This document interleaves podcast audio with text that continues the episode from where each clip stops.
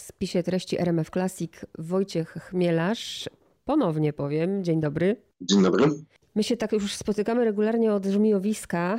Potem nasze spotkanie było przy ranie, przy, przy wyrwie i teraz jest wilkołak, ale wilkołak jest... Y, no właśnie, do tego, czy zamyka cykl gliwicki, to dojdziemy, ale najpierw pytanie jest takie, czy to było tak na zamówienie słuchaczy, bo trochę minęło od y, ostatniej części zombie. E, nie, to nie było na zamówienie słuchaczy, e, chociaż e, sporo osób mnie pytało, co się dzieje z Dawidem Wolskim, kiedy będzie kolejna część i jak pewne wątki zostaną zakończone.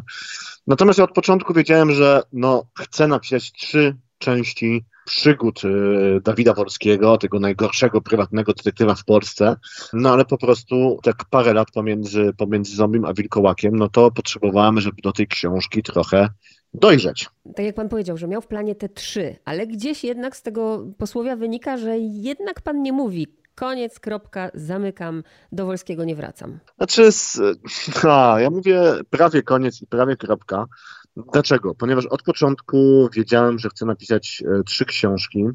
Co więcej, w tej chwili uważam, że nie będzie kolejnych przygód Dawida Wolskiego, nie będzie kolejnych części tego cyklu, ponieważ wszystko, co miałem ciekawego do powiedzenia na temat tej postaci, już powiedziałam. Natomiast nauczyłem się przez te prawie 10 lat wydawania książek, że życie twórcze zaskakuje, tak? I nie mogę wykluczyć, że za rok, dwa, pięć wpadnie mi do głowy jakiś taki wspaniały pomysł, który będę musiał z siebie wyrzucić i on będzie akurat o Dawidzie. Zdecydowanie wolę thrillery pana, czyli Rana, Wyrwa, bo jak mam na przykład właśnie serię, to zaraz się boję, że ja się od tego nie uwolnię. To tak samo jak z serialami. Nie? Ja się po prostu boję zacząć oglądać serial, że się od tego nie uwolnię i tak dalej. I powiem panu, i to jest też fajne akurat, że mm, pierwszy raz mi nie wstyd, że czegoś nie czytałam, bo to było dla mnie ciekawe doświadczenie, y, bo ja nie czytałam y, zombie i nie czytałam wampira. I bałam się sięgając po wilko, wilkołaka, że no właśnie nie odnajdę się. A jednak jest to tak zrobione, że bez problemu ktoś, kto sięgnie po jakąkolwiek podejrzewam z tych części, znajdzie się. No zdecydowanie tak. Taki był zamysł podczas pisania. Ja uważam, że nie ma co wymagać od czytelnika, żeby on koniecznie znał poprzednie części e, cyklu i każda moja książka jest tak pisana, żeby generalnie dało się ją e, czytać jako samodzielną całość. Tak? Mhm. Mm, więc tak samo był, pisa e, był pisany Wilkołak i to, co pani teraz powiedziała, no mnie strasznie cieszy, bo ja miałem pewne obawy, czy na pewno mi się udało, czy ten czytelnik, który sięgnie po Wilkołaka jako pierwszą część tego cyklu, czy on się w tym odnajdzie. Jak pani mówi, że pani odnalazła, to okej, okay, fajnie, misja wykonana. Tak jest. Teraz, bo oczywiście muszę się zawsze pilnować, jak rozmawiamy o tego typu książkach, ale najpierw takie pytanie. Prywatny detektyw w Polsce. Jak to się panu kojarzy? Mam na myśli choćby ostatnie wydarzenia. Nie wiem, czy ja śledzę ostatnie wydarzenia. Pani tutaj pije do naszego słynnego tak. detektywa bez licencji da, e, Rutkowskiego. Tak, tak. No cóż, znaczy nie będę na niego temat wypowiadał. Powiem tak, spotkałem w swoim życiu paru prywatnych detektywów i nawet e, prywatne detektywki. To zawsze były bardzo kompetentne osoby, które wiedziały, co mogą, czego nie mogą, do czego w ogóle takie narzędzie jak prywatny detektyw e, służy i no nie chciałbym, żeby jednak ten zawód był postrzegany przez pryzmat właśnie pana Rutkowskiego, bo tam naprawdę tutaj pracuje mnóstwo kompetentnych i fajnych, e, fajnych ludzi. Nie sięgnął pan po policjanta, po komisarza, a po prywatnego detektywa. Ja bym pomyślała, że Polsce jeszcze może rzeczywiście w tych dużych miastach ci prywatni detektywi to mają, funkcjonują, ale w takiej Polsce małomiasteczkowej to chyba nie bardzo. Znaczy Gliwice nie, nie, są, nie są małomiasteczkowe, to jest jednak część aglomeracji śląskiej i e, miasto chyba w pierwszej dwudziestce największych miast w Polsce. Natomiast powiem szczerze, że ja widziałem kiedyś ogłoszenie prywatnego detektywa bodajże w Człuchowie gdzie pan się ogłaszał, e, czy, czy pani, nie, nie wiem kto to, kto to był i zapraszał do korzystania ze swoich usług. Więc wydaje mi się, że nawet w tej e, małomiasteczkowej Polsce no, prywatnie detektywi mogą się e, znaleźć. A może faktycznie, ja tak myślę, bo po prostu nie miałam potrzeby, żeby takiego detektywa zatrudnić, a prawdopodobnie jak jest potrzeba, to i, to i są detektywi. E, Wolski Dawid, ponieważ go poznaję w tym tomie, domyślam się oczywiście, że przeszedł długą drogę, to jest dla mnie niesamowity typ, typ, przepraszam, że tak mówię, ale to, co u pana lubię, to tę całą bazę psychologiczną, to, co jest z tyłu. To jest dla mnie zawsze najciekawsze, więc ja się rozczytywałam w Dawidzie Wolskim i na przykład w relacjach rodzinnych. To było dla mnie najciekawsze. Jak pan pisze, co jest dla pana tak na, na, na pierwszym poziomie? To, to, żeby zaspokoić tego czytelnika właśnie na tym poziomie fabularnym, kto zabił i tak dalej? Czy pan ma głębszą misję jednak? To zależy przy jakiej książce. To zależy, tak, znaczy to zależy przy jakiej książce. Natomiast powiem od razu, że ja się trochę boję tego pojęcia głębszej misji w literaturze, bo mam wrażenie, że ilekroć autor, e, szczególnie kryminałów, próbuje e, zająć się większą misją, to ta większa misja zaczyna go dominować, po prostu przygniata go i w, w rezultacie wychodzi e, niefajna, nieprzyjemna książka, która, która fabularnie często, często bardzo mocno kuleje. Staram się, żeby moje książki były taką mądrą rozrywką. Przede wszystkim. To Mhm. jest dla mnie e, taki swój cel, wizję, taką widzę swoją misję, to znaczy zawsze mam z tyłu głowy, że e, o czym bym nie chciał napisać, jakiego tematu nie poruszyć, to najważniejsze jest to, żeby to była książka, którą e, czytelnik może wziąć do pociągu i spędzić te kilka godzin z przyjemnością w pociągu ją czytając i nawet będzie mu z tego pociągu, najlepiej by było, żeby żal było z tego pociągu wychodzić. Bardzo ciekawy pomysł na zakończenie, bo w sumie to nie ma czegoś takiego jak prawda. E, No na pewno, na pewno bohaterowie tutaj mają problem z ustaleniem wspólnie, co się właściwie wydarzyło w ich życiu, co się wydarzyło przez te ostatnie lata. I to jest zresztą e, jakaś taka moja zabawa z tym gatunkiem od początku. Znaczy, jeśli miałbym teraz zastanawiać się, co łączy te wszystkie trzy tomy, to, to one są, e, one są właśnie, to, to jest to pytanie, czym jest prawda, tak? Znaczy, to jest troszeczkę moja zabawa gatunkiem, ponieważ kryminał, no to jest na jakimś swoim fundamentalnym poziomie to jest y, taka opowieść, że jest jakaś zagadka i my odkrywamy, jaka jest prawda o wydarzeniach. Co się naprawdę wydarzyło. I tutaj w Wilkołaku zadałem sobie pytanie, czy ja jestem w stanie napisać satysfakcjonujący czytelnika kryminał. Tak, żeby czytelnik odłożył to usatysfakcjonowany, ale jednocześnie z, z taką świadomością, że no on nie do końca wie, co się wydarzyło. Znaczy musi podjąć pewną decyzję, co się naprawdę wydarzyło. I to ta, ta sprawczość nasza, nie? Że, że właśnie to ja tak naprawdę podejmuję Jako, czy- decyzję. jako czytelnika, jako czytelnika. Tak naprawdę od czytelnika zależy, Tak, tak, tak. e, jakie jest zakończenie tej książki. Dokładnie tak i to jest piękne. A proszę jeszcze to w takim razie z, z kategorii łatwych pytań, nie wiem czy banalnych, może tak się zastanawiam, żeby poznać też trochę e, autora bardziej. Dał pan, nie wiem, Wolskiemu od siebie nieprzewidywalność? Pan dał od siebie Wolskiemu. Czy ja dałem Odworskiemu nieprzewidywalność? Nie, mam nadzieję, że w ogóle niewiele mam wspólnego ze sobą. Ale nie, tutaj przepraszam, nie, nie będę się porównywał do swoich bohaterów. Ale lubi go pan. Tak, tak, lubię tego bohatera, cenię tego bohatera. Uważam, że on przeszedł fajną ewolucję i fajnie się rozwinął. A przy tym muszę powiedzieć, że to jest taki bohater, o którym się fantastycznie mm, pisze. Ponieważ on w skrócie jest lekkomyślny. To znaczy szybciej robi niż, niż myśli nie, nie, nie zastanawia się nad konsekwencjami swoich czynów. I w momencie, mm, i on jest tak od początku przedstawiony i czytelnik o tym wie. I w momencie, kiedy ja piszę książkę o Wolskim, i czasami wpada mi jakiś głupi pomysł do, do głowy. A co by się stało, gdyby Wolski teraz zrobił coś głupiego, to ja mogę to sprawdzić. Sobie myślę, tak, on by coś takiego mógł zrobić, nikt się temu nie zdziwię, zobaczmy, gdzie nas to, to zaprowadzi.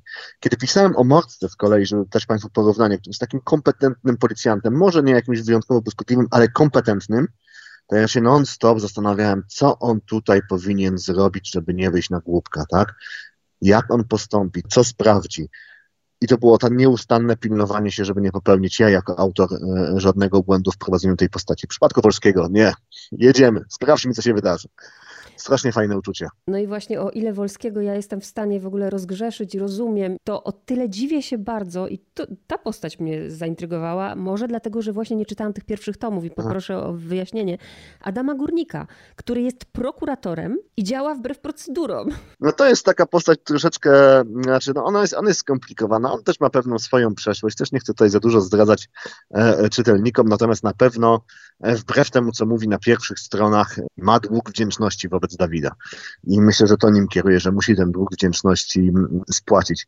Wydaje mi się, że wyszła, znaczy czytelnicy zwracają uwagę właśnie na ten duet, tak? I, I chyba ten duet się udało fajnie poprowadzić, fajnie stworzyć, bo to jest dwóch facetów, którzy robią razem szalone rzeczy, tworzy się między nimi jakaś taka głęboka w gruncie rzeczy więź, natomiast oni się tak naprawdę nie lubią nawet. Tak? I, i, I są na siebie skazani. I to też była duża przygoda pisarska, jak to dobrze napisać i jak to fajnie poprowadzić.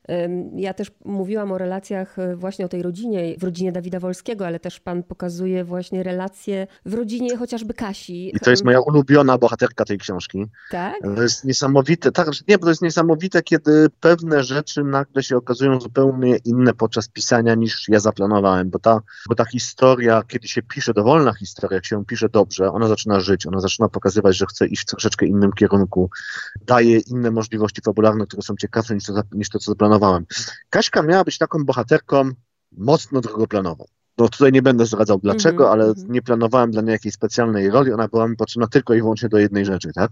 I nagle się okazało, że ta postać strasznie urosła, że się zrobiła, może nie strasznie skomplikowana, ale się zrobiła ciekawa, po prostu taka młoda dziewczyna, która ma jakieś życiowe marzenia, znalazła się na jakimś roz, rozdrożu trochę i przez to się pakuje w dziwne, w dziwne sytuacje no to, nie, to było dla mnie niezwykłe właśnie, jak ta postać w moich oczach urosła, rozrosła się, ile zajmuje miejsca w, w, książce i jak w gruncie rzeczy ważna jest dla fabuły. Tak, a jak też dotknął Pan rzeczy, które no, dotyczą tysiąca Polaków. Ja nawet jeszcze myślę teraz w, jeszcze w pandemii, nie? gdzie wszyscy w tych klitkach, w tych blokach jesteśmy pozamykani. Domyślam się, że mieszkają w bloku w Gliwicach. A to nie? prawda. Ojej, a to mnie Pani zaskoczyła, bo sobie nagle znałam sprawę, bo ja tego zupełnie tak nie postrzegałem. Tak? To też jest ciekawe, mhm. jak, jak mimowolnie się takie rzeczy pisze. No faktycznie przecież ja Wilkołaka pisałem e, w pandemii.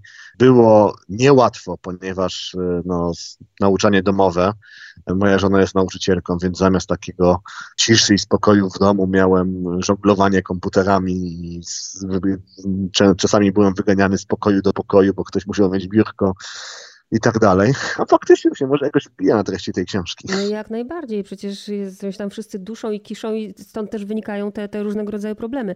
A ten Śląsk jeszcze też mnie rozbawił pan, tak, rozbawił mnie pan niesamowicie bohaterką, nie pamiętam teraz nazwiska, czy on się Banach nazywał, tylko telefonicznie ją poznajemy, która mówi w języku śląskim. A, tak, pani, e, tak, jedna, jedna z bohaterek, która mówi, mówi, mówi w języku śląskim. Tak, ona jest żoną, e, też nie do końca, ale, ale, ale, ale używa. tak. tak. Tak, I no, byłam ciekawa, jest, bo pan, jest, pan się urodził w Gliwicach, tak? Ja się urodziłem w Gliwicach, natomiast ja zawsze powtarzam, że Gliwice są dosyć specyficznym miastem z powodu historii, ponieważ one są małośląskie. Co jest właśnie o tyle zabawne, że ten e, teraz największy piewca e, e, i, i śląskości, czyli Szczepan Twardoch, i mówię tu bez żadnej szyderstwa, mhm. jest, jest spod Gliwic, natomiast Gliwice no właśnie po swojej historii, tam, tam i, i moi rodzice tak samo, moi dziadkowie tak samo, to była ludność napływowa z innych rejonów e, Polski. Do tego stopnia to miasto jest mało śląskie, że ja tak naprawdę przez 18 lat, jak tam mieszkałem, 19, to nie wiem, czy raz słyszałem język śląski.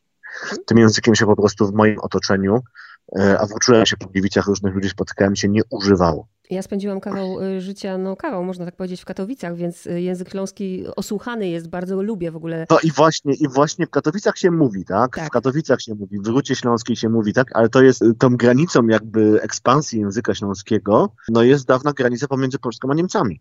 Moim zdaniem przynajmniej, ja tak to obserwuję. Tam, gdzie potem były, tam, gdzie były Niemcy, tam, gdzie w 45, 44 ludność uciekała, znaczy kto mu kto uciekał, i właśnie przyjeżdżała na ich, na ich miejsce ludność napływa, czyli Zabrze Gliwice, tam te, tego języka śląskiego jest relatywnie niewiele. Ale no, musiał się pan posiłkować, czy to było pisane jednak z osłuchania? Ten, e, ten no właśnie, o, o, dziwo ten, o dziwo się okazało, że całkiem ku mojemu zaskoczeniu, że dużo, dużo jestem osłuchany, jakoś mimo, mimowolnie jednak to przeniknęło, co teraz zdaję sobie sprawę, że teraz sam sobie przeczę, ale czy nagle okazało, że ileś tam słówek e, w języku śląskim znam, i to, i to nie jest tak, że, że, że ich nie rozumiem, ale troszeczkę musiałem się też posiłkować, troszeczkę musiałem sprawdzić, bo mhm. no, to, to, to, to nie jest mój język, to, to nie jest moje słownictwo, więc sprawdzałem wszystko, czy na pewno jest dobrze. No i, i włożył pan taką stereotypową, bo to taki stereotyp, nie? Tej śląskiej kobiety, która trzyma w garści faceta. No trochę tak jest, trochę tak jest, tutaj się pobawiłem stereotypem, nie wiem, czy, nie wiem, czy słusznie. I natomiast no, to jest tak ponura książka i książka, gdzie się dzieją takie straszne rzeczy, że on, że tam potrzebny jest ten śmiech też, potrzebne potrzebny są grzejsze jest miejscach. są sceny zabawne. Tak, są sceny zabawne, to, to jest jedna z tych scen, a druga, która mnie rozbawiła, ona może w ogóle nie jest zabawna, ale mnie rozbawiła niesamowicie i pomyślałam, że to jest taki celowy też zabieg y, Wojciecha Chmielarza, kiedy bohater mówi ałanie w szczepionkę. tak. No to nie, znaczy tam jest, tam jest parę ten, tam jest parę takich scen. Nie wiem, czy to jest akurat też w tej scenie, czy myślimy o tej samej, gdzie właśnie Dawid Wolski z, z Dawidem Górnikiem w pewnym momencie zaczynają się gonić po mieszkaniu dookoła nie, nie, nie, stołu. To siostra, siostra dzieci, że... wtedy Siostra, mhm. siostra, okej. Okay, Tylko to, właśnie to, to było znaczy, po to, żeby zaznaczyć, mhm. że to są te czasy, tak? Tak, tak. Nie, znaczy jest tam ten, jest tam sporo, jest tam sporo zabawnych scen, znaczy łącznie z tą, mam wrażenie, już troszeczkę słynną sceną na cmentarzu, gdzie bohaterowie się wybierają w celu no, no rozkopania grobu, tak? To, to mamy to, też na pierwsze strony. I to mnie też zastanowiło, tak, to też... na, na początku mnie to rozśmieszyło oczywiście, jak on tam wyciąga te kości, ale z drugiej strony Skąd pan wie, jak rozkopać taki grób? Ha, mogłem powiedzieć, że tajemnica, nie? I zostawić Państwa z takim uczuciem niedosytu i właśnie zastanawianiem się, o co chodzi. Nie będę szczery. Rozmawiałem po prostu z kilkoma osobami z branży pogrzebowej. Kontaktowałem się z nimi, to są akurat moi czytelnicy, którzy albo pracowali w branży pogrzebowej, albo, albo dalej prowadzą e, domy pogrzebowe na przykład. Powiedziałem im, słuchajcie, mam taki będę miał taką scenę. Czy możecie mi Państwo pomóc, bo ja w ogóle nie mam pojęcia, jak to, jak to zrobić, żeby, żeby to było wiarygodne. Co trzeba zrobić, żeby rozkopać grób? No i mi o tym opowiedzieli. Więc e, bardzo jestem za to wdzięczny, bo dzięki temu scena jest, scena jest dużo lepsza niż gdybym ją pisał tak, jak mi się zdawało, że to powinno być, powinno być zrobione, jakby to nie brzmiało w mhm. kontekście rozkopywania grobów. Nie? Ja tak krążę i właściwie zamknę tą rozmowę, bo tak nie dotykam tego tematu celowo, bo nie chcę tutaj zabierać przyjemności syndromu sztokholmskiego, bardzo ważnego zresztą tematu, ale też myślę o tym, o tym tytule, bo y, no bardzo fajnie się tam pan bawi też tym... Ym, Właśnie też nie chcę za dużo zdradzić. Można się wystraszyć jakby też mm, po przeczytaniu tej książki samego siebie. Nie wiemy, co w nas siedzi, nie? No trochę tak, trochę tak. Faktycznie jest to też książka. Myślę, że ten tytuł nie odnosi się nie tylko tak naprawdę do tej postaci, o której myślimy, tak? Myślę, że on też się może odnosić, ale w pozytywnym sensie do Kaśki, tak? Która mhm. z takiej dziewczyny troszeczkę zakochanej, zagubionej staje się, tak. staje się postacią no, silną, ważną. Myślę, że w pewien sposób też do Dawida Wolskiego, który w tej fazie wilkołaczej teraz mm, tkwi tak naprawdę w pewien sposób przez te trzy książki szukał sposobu, żeby wrócić do, do postaci człowieczej. E, faktycznie, no, tkwi w nas ta, ta wilcza, wilcza natura, zwierzęca natura. Ma, na, na, jakimś poziomie mamy ten swój gadzi tak, który, który reaguje w tym mechanizmie atakuj, uciekaj. Musimy się z tym pogodzić i musimy tą zwierzęcą naturę jakoś oswoić w sobie. E, przypomniało mi się, bo to jest rewelacja z tą akcją, rękopis z pudła. Skazani przepisywali tak pana jest. kryminał. Zgadza się. I potem ten, e, ten kryminał, ten wyjątkowy egzemplarz został wystawiony na aukcję na, na Allegro e, i pieniądze z tej licytacji zostały przeznaczone na zakup książek do więziennych bibliotek, ponieważ uważamy i ja, i Fundacja Zmiana, która ten pomysł zainicjowała, i zwróciła się do mnie z prośbą, czym nie chciał w tym wziąć udziału, że literatura, czytanie to jest świetne narzędzie resocjalizacji. A pan się kontaktował z tymi skazanymi? Czy oni do pana pisali coś tam, czy w ogóle nie? Nie, nie, niestety tutaj nie, mhm. nie, nie, nie, nie dało się. Chciałem, a natomiast no, to było robione niemalże w szczycie wiosennej w, w fali pandemii, -hmm, więc w ogóle -hmm. Nie było takiej możliwości. Ale rzeczywiście jest to ciekawe. No to no i muszę zapytać na koniec, bo, bo chcę też wiedzieć, w jakim, jak się spotkamy następnym razem. Czy thriller, czy, czy, czy mordka, czy co? No teraz, teraz w ramach pewnego odpoczynku yy, piszę kontynuację prostej sprawy. Hmm. Więc to znowu taka prosta książka westernowa, kopana, sensacyjna o bohaterze, który rozwiązuje dzielnie kolejne kłopoty. E, no a potem zobaczymy. No, mam kilka pomysłów w głowie, które bym chciał zrealizować. Muszę się zastanowić, które. Bardzo dziękuję i do następnego. Świetnie, było mi miło z Panią rozmawiać. Mi z Panem jak zawsze również do następnego. Dzięki, do następnego.